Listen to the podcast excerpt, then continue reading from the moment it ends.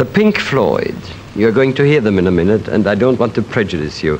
Hear them and see them first, and we'll talk about them afterwards. Pink Floyd aintzindari izan da azken berrogeita hamar urteotan.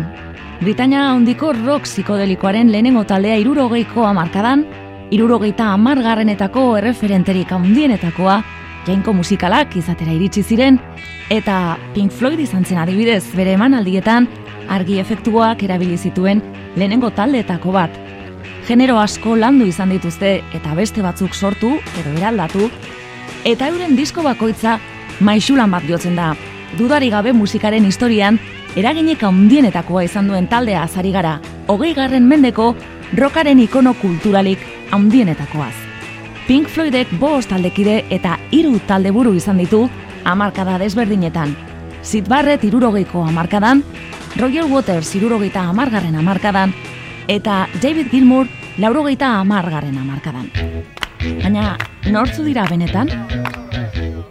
Mila behatzireun da irurogeita bostean, Britania argiletako musikak mundua menderatzen zuen. Londongo klubetan gitarra elektrikoen doinuak eta rock izar izan nahi zuten gazte jendea ziren nagusi.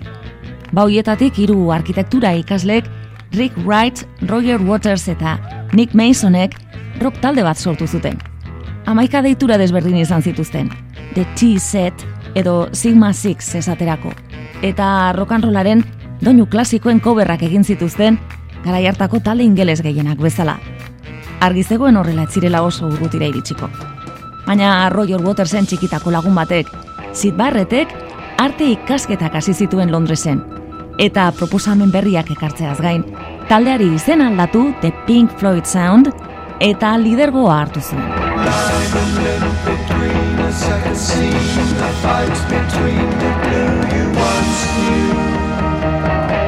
Floating down the sound resounds around the icy waters underground.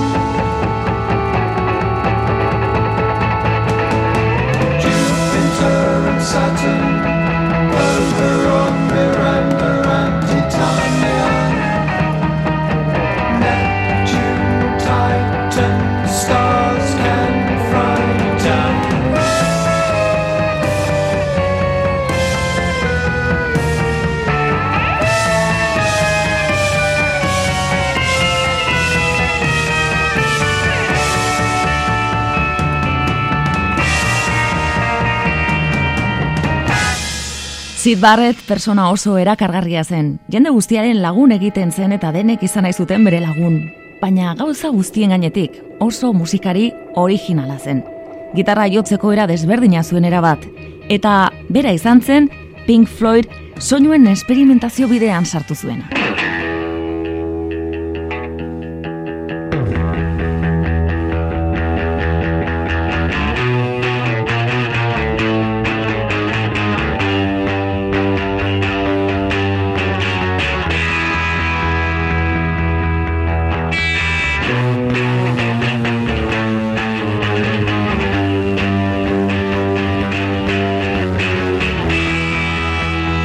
Floyd izan zen Londongo underground musikak izan zuen leherketaren epizentroa.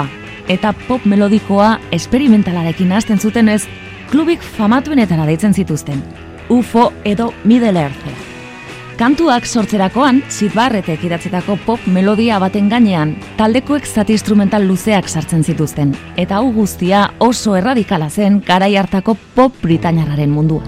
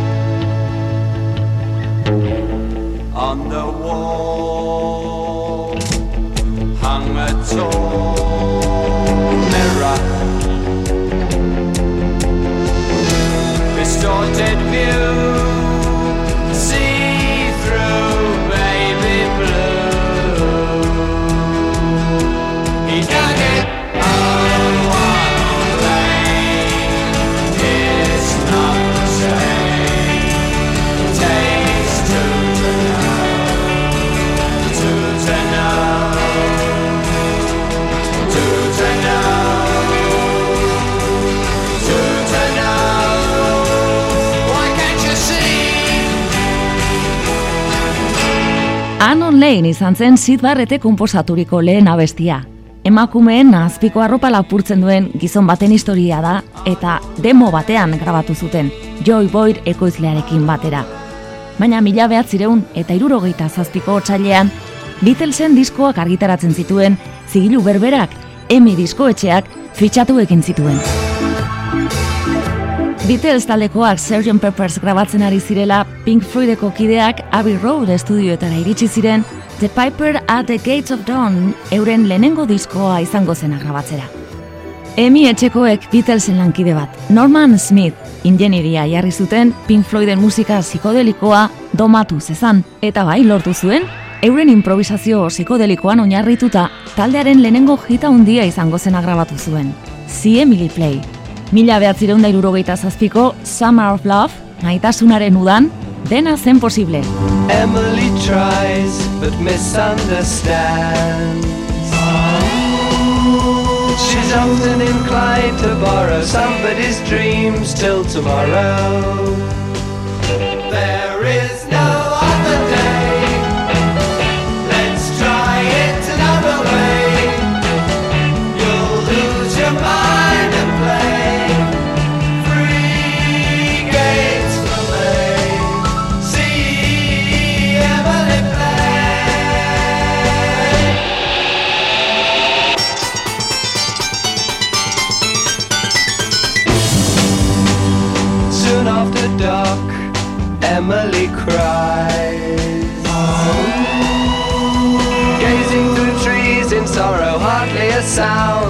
Tomorrow.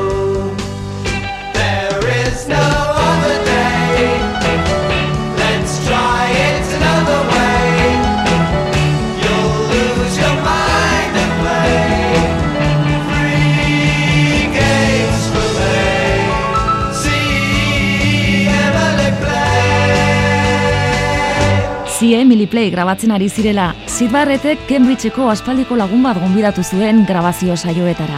David Gilmour, kantari eta gitarrista. Eta honek Sid oso aldatua ikusi zuen. Arraro somatu zuen, begirada galduarekin. Sid drogetan sartua zegoen eta naiz eta etzitzaion atentzioa deitzea gustatzen, komunikabideak erabat gainean zituen lortzen ari ziren arrakastagatik. Mila behatzireun da irurogeita zazpiko ekainean argitaratua, See Emily Play, erresuma batuko pop zerrendetako boskarren postura iritsi zen. Eta urte horretan bertan, abuztuaren bostean, Pink Floydek lehen LPA kaleratu zuen. The Piper at the Gates of Dawn. Diskoa osatzen zuten amaika bestietatik, amar, Sid Barrete komposatuak ziren. I've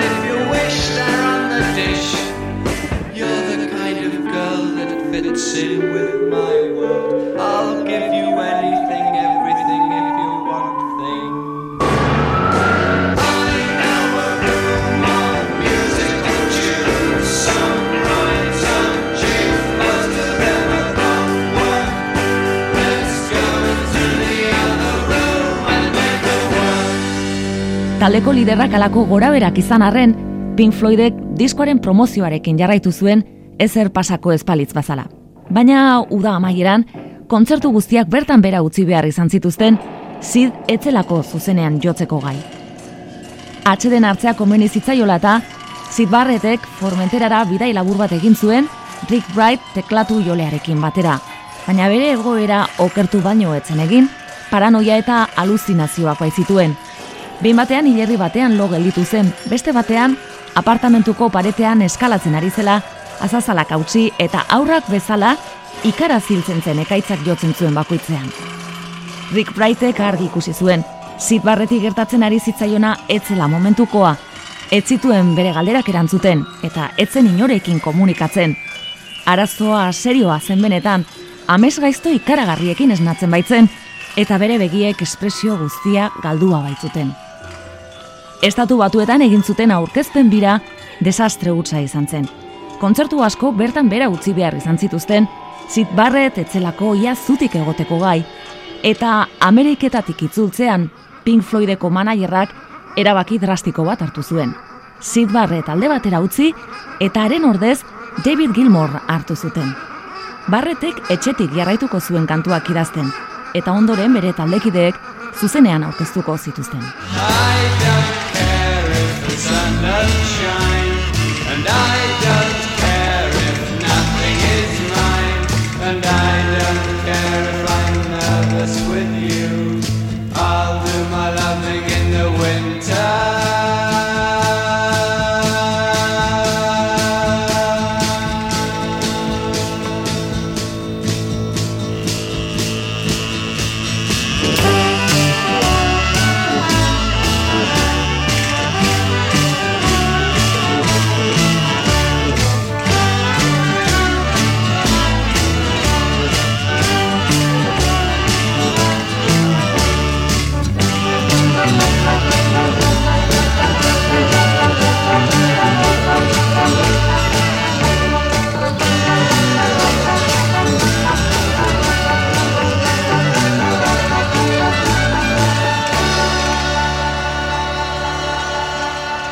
Pink Floyden bigarren diskoan A Saucer Full of Secrets en argitaratua, Jack Ben Blues izan zen Sid Barrettek Pink Floydentzat konposatu zuen azken kanta. Mila behatzireun da irurogeita zortziko apirilaren zeiean, Sid Barrettek taldea ofizialki utzi zuen, baina ez zuen bere taldekideekin zuen harremana galdu.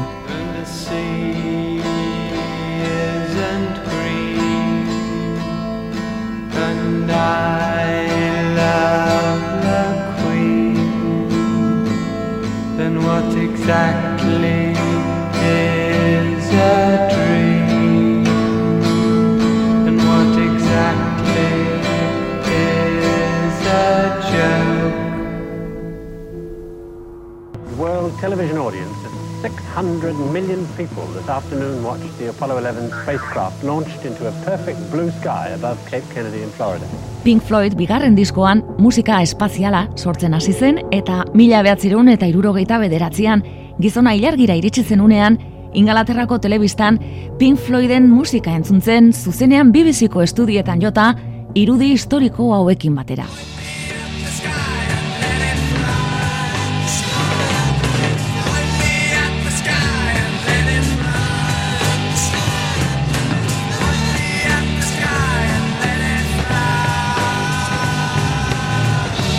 Bien bitartean, Pink Floydekoak bere ala konturatu ziren Sid Barrett gabe etzela erraza pop abestiak sortzea. Entzuten ari garen Point at the Sky kantuak ez zuen inolako arrakastarik izan. Eta orduan hasi ziren Space Rock moduko pieza improvisatu luzeak jotzen, norabideri gabeko taldea bihurtu arte.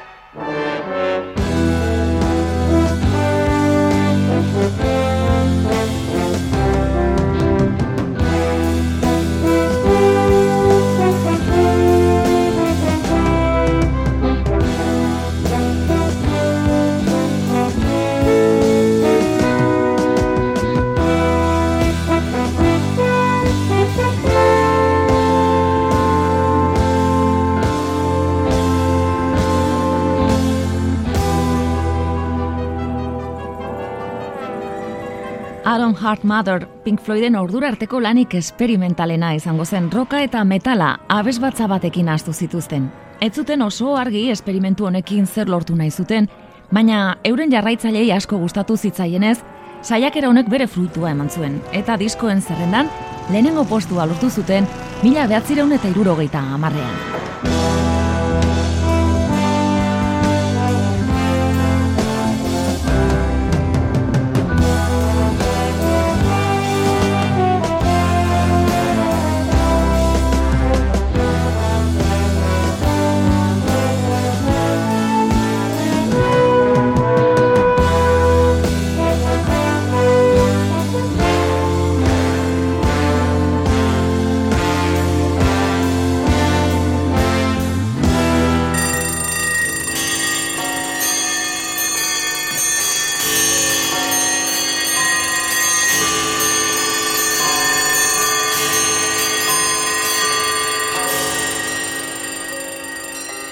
Mila behatzireun dairurogeita amairuan, The Dark Side of the Moon, mitikoarekin Pink Floyd ilargiaren alde ilunera itzuli zen izan ere beste garai batzuk ziren. Irurogeiko amarkadako baikortasunaren ondoren, irurogeita amargarren amarkadako garai naziaietan munduak eklipse baten azpian zirudien. Giro materialista eta indarkeria non nahi somatzen ziren. Sixtietako dena da posibletik, irurogeita amargarren amarkadako ez errezta posiblera pasa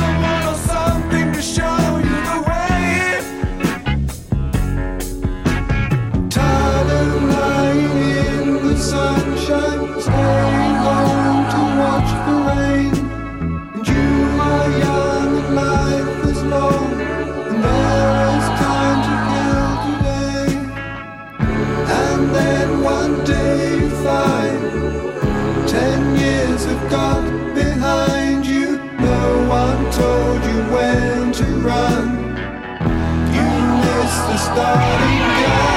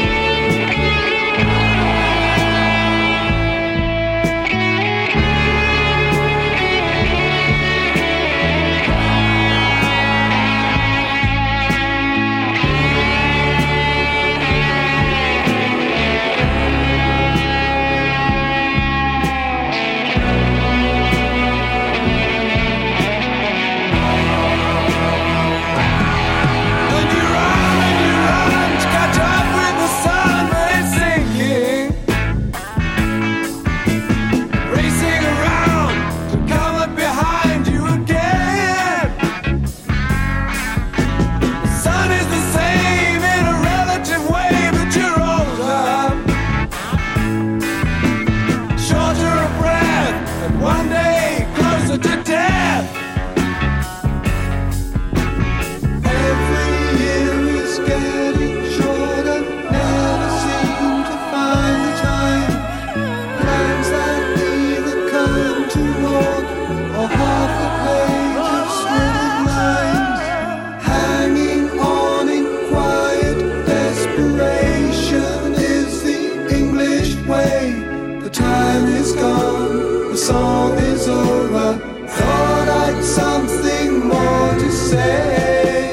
Dark Side of the Moonekin berrogeita mar milioiale saldu zituzten. Estatistiken arabera Londresko bost etxe bizitetatik batean badute disko hau, eta estatu batuetan bestalde, disko ni esker Pink Floyd taldekoak inork inoiz berdinduko ez duen errekor baten jabe dira. Bilborreko salduenen zerrendan mantendu zen, zortzireun da iru uastez, ama bost urtez. Azkar esaten da, mila behatzireun da irurogeita amairutik, laurogeita zortzira, The Dark Side of the Moon, urtero urtero, estatu batuetako diskorik salduenetako bat izan zen.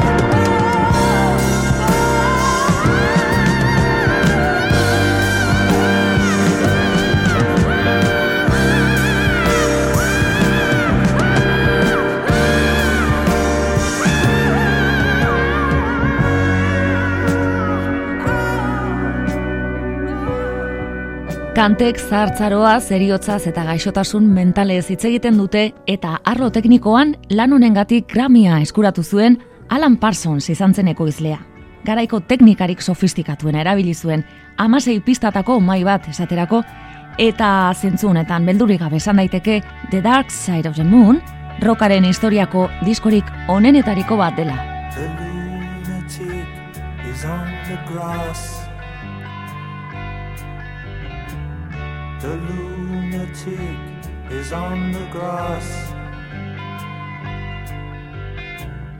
Remembering games and daisy chains and laughs.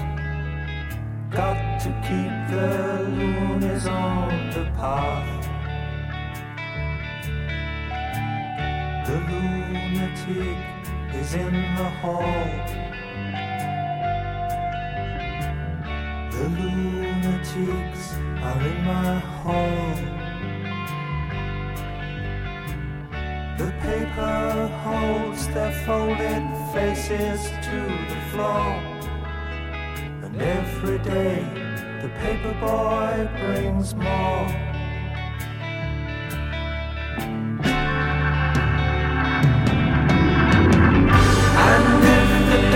Breaks open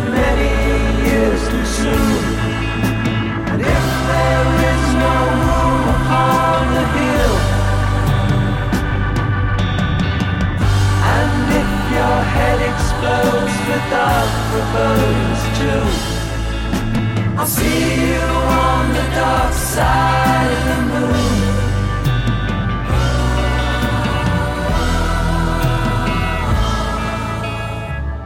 The lunatic is in my head.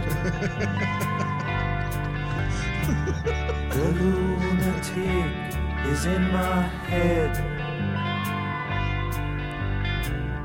You raise the blade, you make the change. You rearrange me till I'm sane. You lock the door throw away the key. There's someone in my head, but it's not me.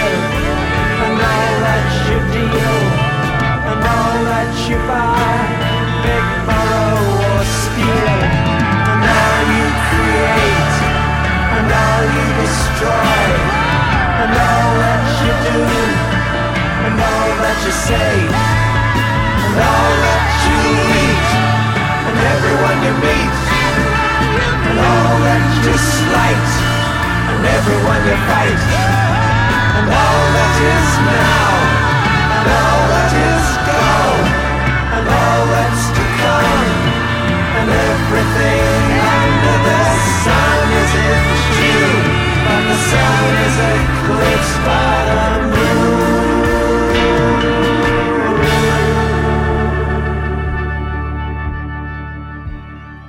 Mila behatzireun da irurogeita amalauean, Pink Floyd taldekoak Abbey Road estudioan sartu ziren berriro.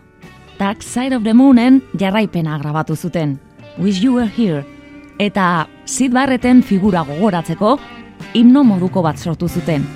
Shine on your crazy diamond abestia, handik aurrera kontzertu guzti guztietan joko zutena.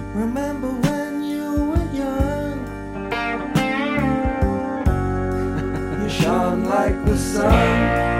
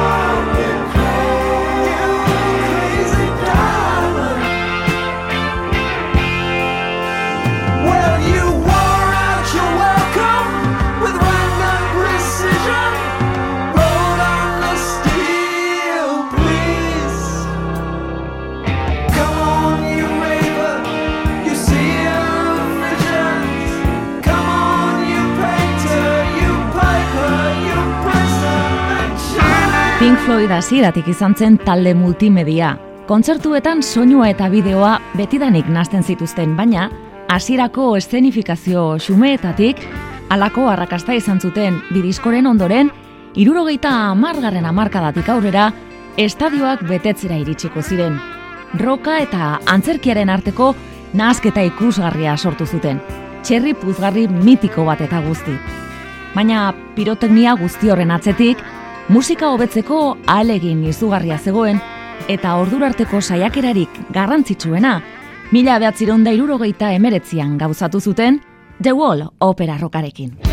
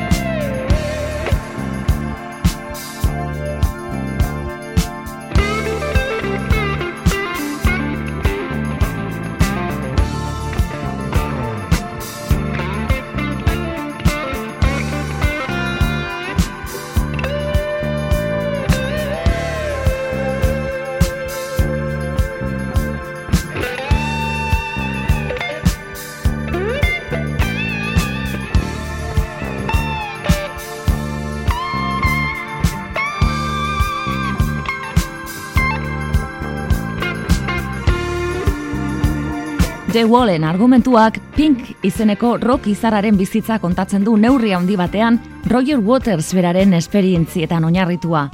Pink izkurtuta bizida izan dituen traumengatik.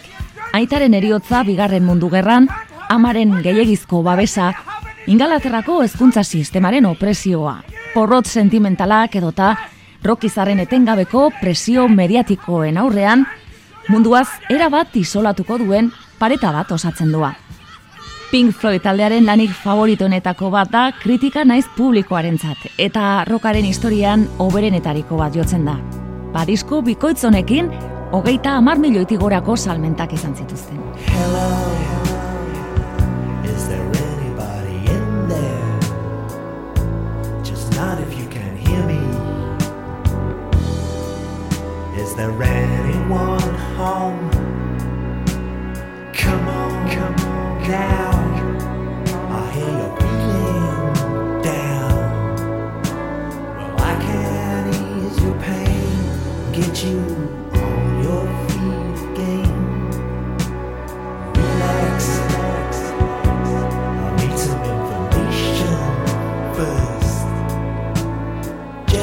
Basic facts. Can you show me where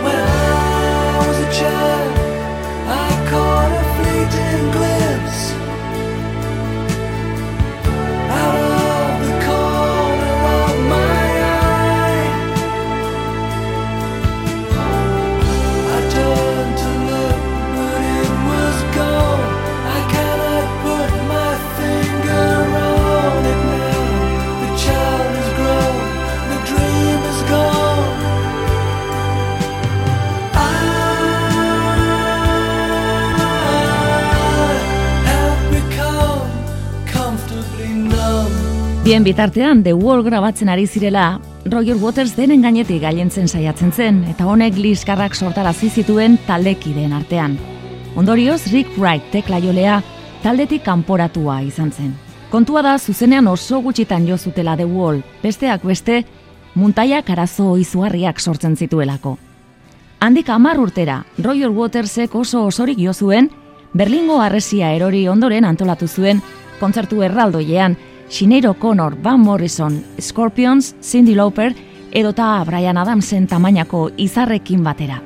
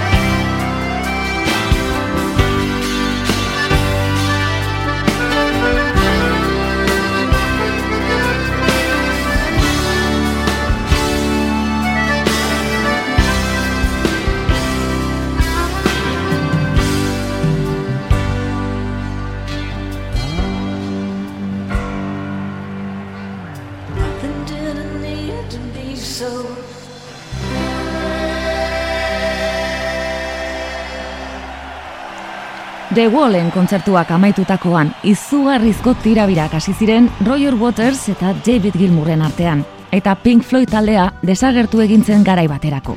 Mila behatzireun da laurogeita zazpian ordea, David Gilmourrek disko berri bat grabatu zuen bere kontura kolaboratzaile berriekin, baina Pink Floyd izenarekin. A Momentary Lapse of Reasonekin, bederatzi milioiale saldu zituen, eta Nick Wright zein Steve Masonekin batera kontzertuak ematen hasi zen berriro. Mila behatzerun da laurogeita bederatziko ustalean, Veneziako kontzertua telebistaz mundu osoan emititu zen. Pink Floyd bueltan zen berriro, inoiz baino indar gehiagorekin. Eta lider berri batekin, Sid Barrett eta Roger Watersen ondoren, David Gilmour zen orain buru. Into the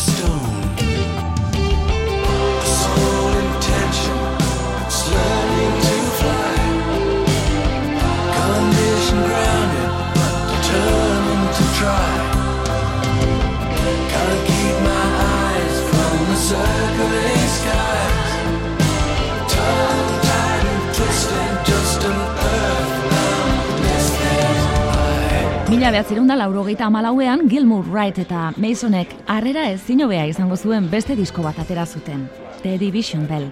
Eta Stephen Hawkins zientzialariaren parte hartzea izan zuten Keep Talking abestian. Zulo beltzen aurkitzailea betidanik izan da Pink Floyden jarraitzaile. Eta bere abots robotizatua da entzuten dena. For.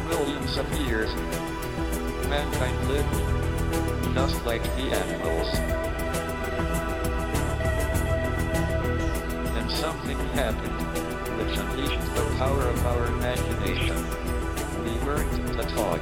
Pink Floydeko laukide originalak Live Aid jaialdirako berriro elkartu ziren. Londresen 2005ko uztailaren bian egin zen kontzertu honetan, Roger Waters eta David Gilmour aritu ziren abeslari lanetan. Lau abesti Speak to Me Brave, Money, Wish You Were Here eta Comfortably Numb eskini zituzten, eta hogeita lau urtetan lehen aldiz denak batera aritu ziren. Eta betirako gelditu den irudi bat protagonizatu zuten, laurak amaierako besarkada ospetsu batean lotu baitziren. Monday!